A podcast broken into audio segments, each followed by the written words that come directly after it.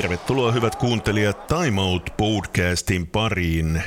Kesälomien jälkeen studion ovat tulleet Radio Vaasan Anssi Marttinen ja Vaasabladetin Juuna Nyström. Juuna, tervetuloa. Tack ska du ha, roligt tillbaka. Kyllä, kyllä. Ja vielä hauskempaa on se, että kun me lähdimme molemmat lomille, me surkuttelimme Vaasan palloseuran tilannetta. Nyt ei tarvi hirveästi surkutella heinäkuu loistavaa peliä Vaasan palloseuralta.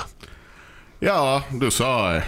Vad blev det nu då? Sex, sex raka matcher nu som har blivit vinst i och något 15-1 i målskillnad, något ditåt. Det är ju helt otroligt vilken form VPS har. Man såg ju nu då månadens lag blev uttaget för juli månad i FM-ligan så var det väl sex VPS-spelare och Jussi Nuorela som, mm. som månadens coach. Och det skulle till och med kunna vara fler VPS-spelare men jag antar att de lite på kansliet funderar de måste lite balansera ändå. Joo, aika hauskaahan oli se, että VPSstä oli enemmän pelaajia kuin yhteensä muista joukkueista. ja, no, men det visar ju på, det visar ju på formen så att mm.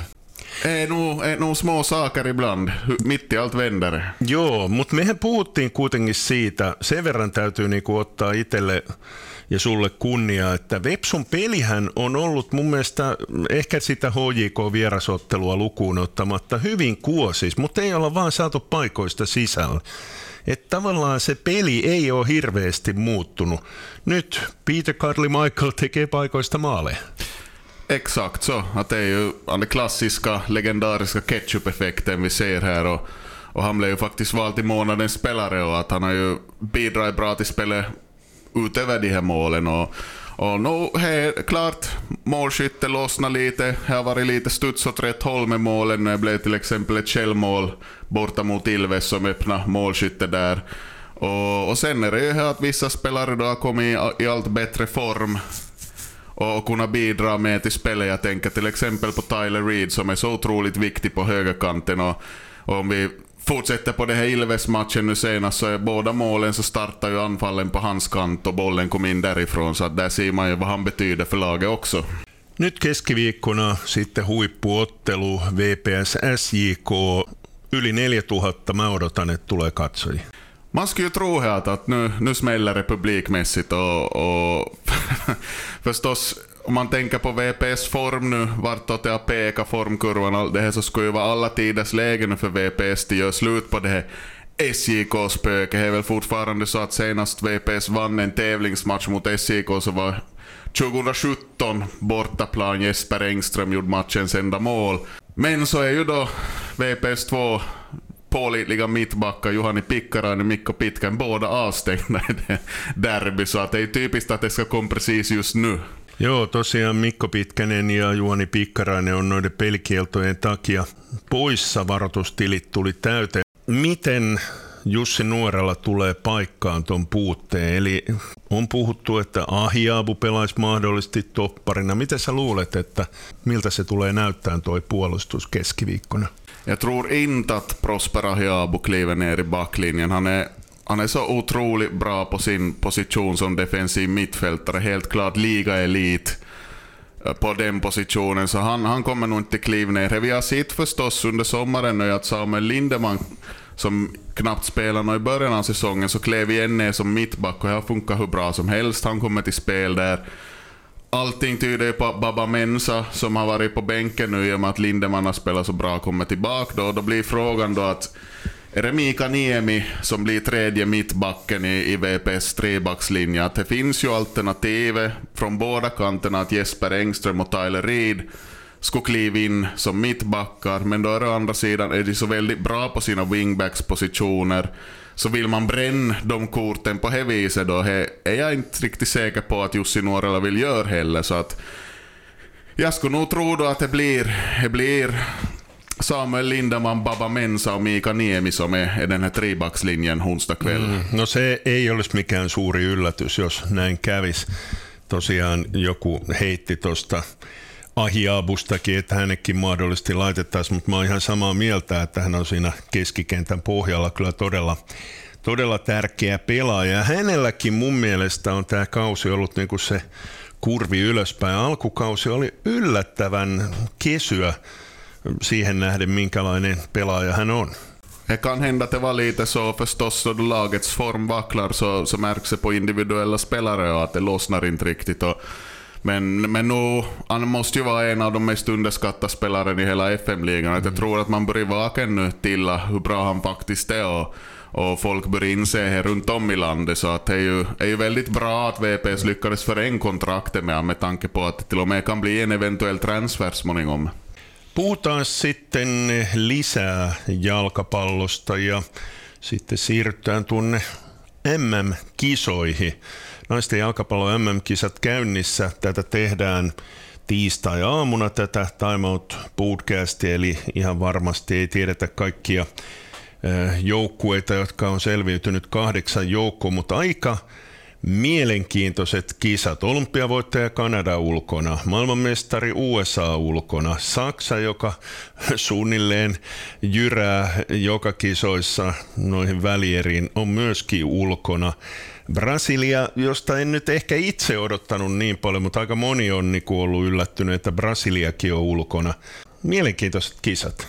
Ja, jag skulle säga att det har roligt mästerskap så här långt. Just som du säger, att stora nationer har fallit. Och, och om man tänker på, på det här toppfotbollen för damerna så ett tag så såg det ut som att det aldrig kommer till hända någonting där. Att det är alltid de här samma, USA, Sverige, Tyskland typ som dominerar. Men nu har vi mitt i allt massvis med nationer som är där och konkurrerar. Och, och en av de tuffaste matcherna som jag tycker man har sett hittills var ju Colombia mot Tyskland i gruppspelet. Då Colombia tar och vinner över Tyskland. Otroligt häftig match. så att Ja, vi har haft mycket dramatik, straffläggningar. Det är Sveriges segermålet på straffar mot USA där. Det var väl en millimeter då ungefär som, som skilde för att bollen var in. Och, och, och allt världens så att väldigt, väldigt bra underhållningsvärde så här långt på VM och, och, nu väntar ju bland annat på fredag då Sverige-Japan, en otroligt intressant kvartsfinal. Jag har ju sagt att mina kaverin att Japan kommer till vin VM, nu då. Joo, saa nähdä miltä, miten käy. Sitten semmoisia vähän ikävämpiäkin puolia naiset on ottanut miehiltä oppia, eli esimerkiksi tuossa Englantiottelussa niin olihan se ihan käsittämätön tämä selkään tallaaminen, vaikka se nyt ei ollut mikään kova, mutta ihan selkeä niin kuin tahallinen teko. Jo, jag läste några kommentarer sen på, på nätet om att ja, men att det var ju inte så våldsamt, att inte kan man ju ge rött kort det där, men det är som tvärtom tycker jag, en så avsiktlig handling som inte har någonting med spelet att göra, spelet är inte igång och du trampar på en motståndare, alltså det handlar ju om till respektera sina motståndare och så är det ju så solklart fall att det påminner ju lite om David Beckham var i VM i Frankrike då han la omkull Diego Simeone med en liten kamp i Uh, det var väl också åttondel eller kvartsfinal om jag minns rätt och så förlorade väl England på straffar och så där blev han hård syndabock. Men nu har jag inte sett hur, hur hårt man går åt den här gången. Vad va, va, va han hette? Lauren James? mm, sånt. Joo, James taisi olla. Tuommoinen temppu, niin ei, ei, ei tolla tasolla. Pitäisi olla kyllä pikkusen, vaikka on minkälaisia paineita ja nuori pelaaja, niin olihan se ihan käsittämätön temppu. Absolut, och som du säger säkert hade de stora förväntningar på sig själv utifrån och även personligen så att det här var en match där inte riktigt lossna heller så då byggs ju frustrationen upp men man ska absolut kunna hålla huvudet mycket kallare och det var ju förstås tur att England gick ju trots allt sen vidare på straffar. Time Out Podcast käynnissä studiossa ovat Radio Vaasan Anssi Marttinen ja Vaasabladetin Juuna Nyström. Juuna, sun edessä on brittifutis kausiopas, kuinka kova palo sulla on siihen, kun valioliika alkaa nyt tällä viikolla? Ja, delvis så är det ju skönt på sommaren då, då inte någon Premier League pågår så slipper man fundera på alla jobbiga resultat. Men å andra sidan så är det ju alltid, det finns ju alltid en viss optimist som ligger och gror. Man vet aldrig hur det kommer att bli och nu på fredag börjar det igen och får vi se då Styrkeförhållandena har ju egentligen inte förändrats någonstans. Det kommer till vara samma lag som konkurrerar i toppen och allihop kommer till jag Manchester City som vanligt som jag har blivit nu. Så att det är väl kanske Arsenal som blir främsta utmanaren precis som det var, precis som det var förra säsongen och så får vi se då vad till exempel Newcastle hittar på Manchester United Liverpool förstås ska man inte räcka bort och så har vi ju mitt kära Tottenham Hotspur då som har fått en ny coach och, och, och, spelar en lite annan fotboll igen så att det finns mycket föränderliga variabler om man säger som så.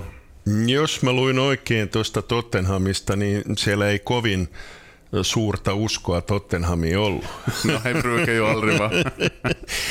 Hei, mennään sitten tota, paikalliseen futikseen. En sak, Okej, okay, kerro vaan. En sak om Premier League, jag ska passa på att göra lite reklam här. Vi har ju Vasablad och Österbottens Tidning har en egen sån här Fantasy Premier League-liga för den här säsongen. Det är en ny grej och, och det går ju alltså ut på att man spelar på nätet och väljer ett lag och så får man poäng enligt hur spelarna presterar på riktigt i ligan. Så att det finns, det finns en jotto på vår, våra sajter där man kan gå in och så finns all info om hur man kommer med här. Och man konkurrerar ju om fina priser då förstås och ära och berömmelse, att med bara. Sitten puhutaan vielä Suomifutiksesta, ei Veikkausliigasta, vaan näistä alemmista sarjoista. Mä nimittäin rupesin nyt pohtii, enkä kyllä varmaan saanut vieläkään oikein selkoa siitä. Eli ensi kaudellahan Veikkausliigan alapuolella on ykkösliiga – sitten taitaa olla ykkönen. Olikohan sen jälkeen sitten neljä kakkosen lohkoa. Taisi olla jotain tämän tyylistä. Eli siinä ykkösliigassa on kymmenen joukkuetta. Ja nyt kun pohjalaisjoukkuet Jaro ja KPV on pelannut aika kehnoa kautta, niin jos oikein huono säkä on, niin ne pelaakin ykkösessä eikä ykkösliigassa. Joo, väldigt intressant utgångsläge där att är ju, den stora förändringen är ju att ettan, som du säger, division 1 spjälks upp. Och, och då är det ju så att de som trillar nu, så trillar då till det här division 1 och blir utanför det här yrkesliga då, vad, kommer, vad vi ska kalla det på mm. svenska är lite osäker på. Men sen är det ju också att de som går upp från division 2 nu efter den här säsongen, så de stiger ju till yrkesliga. Så det blir som ett intressant hopp där då, att vissa lag från division 2 stiger till yrkesliga, andra till division 1. Och ja, alltså det är krångligt, men, men så kommer det att bli. Siis oikeesti, näinkö käy? Så vi har till exempel en artikel i början av, av sommaren på, på Österbottens tidning ÖT, där man redogjorde för till exempel att om GBK skulle gå upp från norra zonen i division 2 så skulle de kunna potentiellt stiga förbi både Jaro och KPV i seriehierarkin om Jaro och KPV faller. är, Eh, eh, är väldigt intressant hur de har byggt upp denna och vi får se, vi får se hur det går nu. Att Division 2 norra till exempel är jätte, jätte jämn. Att fast no, Kraft har varit ganska solida. De har chansen på att komma upp till exempel på en kvalplats. Vasa IFK som har snubblat kan ännu också om de har slutat starkt gå upp i toppstriden, så att det kan gå lite hur som helst där. Joo, puhutaan Vaasa IFK miesten joukkueesta. Se on kausi ollut tosi omituinen. Se on niinku ollut yhtä vuoristorataa, eli voittoja, upeita voittoja, sitten käsittämättömiä tappioita. Ja paljon sellaisia, ei sentään yhtä peliä, vaan aika montakin peliä sellaisia, jossa on ollut selkeä johto ja sitten on munittu se johto. No kanske bästa exempel så är tomatderby som vi kallar det. Jag var faktiskt och såg här under semestern. Kraft, IFK på Mosedal, nästan tusen pers i publiken. Och IFK ledde ju faktiskt 3-1 ganska långt in på andra halvlek, men så gjorde Krafts målspottare då Samir Isanovic tre mål på 12 minuter, varav två på straffar vänt till 4-3. Det är lite IFKs säsong som du säger. Och jag vet inte, lite, lite har det varit en del skador på, på viktiga spelare och en del som det som har gått emot, så att det har varit motigt och, och, och synd tillika för jag tycker att på pappret har IFK ett bättre lag än de hade i fjol. De gick in med hög svansföring och målet att nu ska vi vinna serien och så blir det som liksom motvind från alla håll. Att det påminner ganska mycket om hur VPS början av säsong såg ut. Att inte nödvändigtvis så att man, man var efter något spelmässigt, men allt annat så bara krångla hela tiden. Joo, jos mä vertaan Vaasa IFK-miesten kautta Royalsiin, niin siinä on myös vähän samanlaista, koska tota Royalsissa haastattelin Seppo Evarajeja, niin juteltiin siitä, että Royals on periaatteessa voittanut sellaisia pelejä, mitä ei ole odotettu. Muun muassa Kuopiossa kävi voittamassa viime kauden Suomen mestari, mutta sitten on hävinnyt sellaisia otteluita, mitä on ajateltu, että okei, tämä on helppo nakki. Ja, jag var faktiskt då själv här måndag kväll och, och pratade med, med Royal Schack då de tränar på Karlsplan så är ju delvis kanske man kan skriva uppe på att det är ganska låg medelålder i det här laget. Att det är ett ungt lag som spelar och, och de har också haft en del skador som har kommit på, på viktiga positioner. Och, och just i amerikansk fotboll och i FM-ligan så där är det då att vissa spelare är väldigt svårt att ersätta om de blir borta någon match. Så då blir det genast ganska krångligt. Så, men det blir ju jättebra nu faktiskt med tanke på Royals och Vasa IFKs herrar. Då har vi Royals fredag, spelade mot Crocodiles.